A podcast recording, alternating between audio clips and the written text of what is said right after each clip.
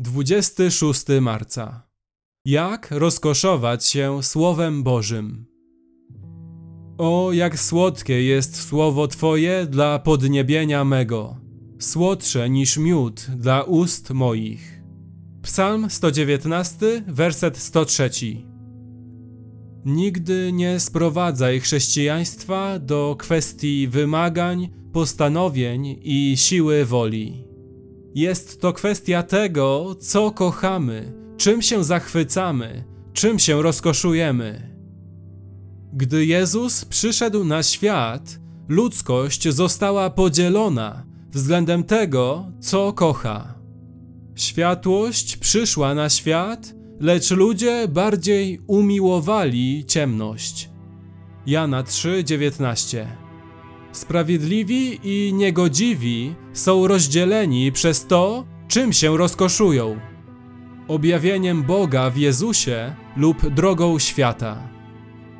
Ktoś więc może zapytać: W jaki sposób mogę zacząć rozkoszować się Słowem Boga? Moja odpowiedź jest dwojaka. Po pierwsze, módl się o nowe kubki smakowe na języku Twojego serca. Po drugie, rozmyślaj nad zdumiewającymi obietnicami Boga dla swoich ludzi. Ten sam psalmista, który powiedział: O, jak słodkie jest słowo Twoje dla podniebienia mego. Psalm 119, 103. Wcześniej powiedział: Otwórz oczy moje, abym oglądał cudowność zakonu Twego. Psalm 119, werset 18.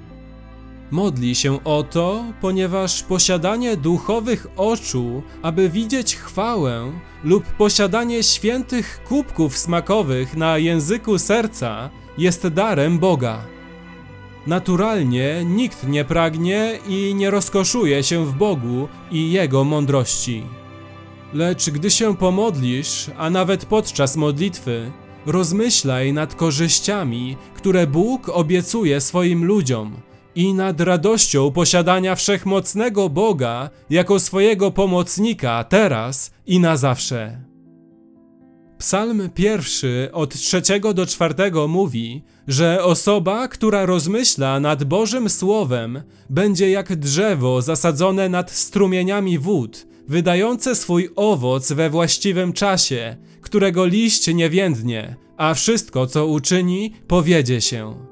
Nie tak jest z bezbożnymi. Są oni bowiem jak plewa, którą wiatr roznosi.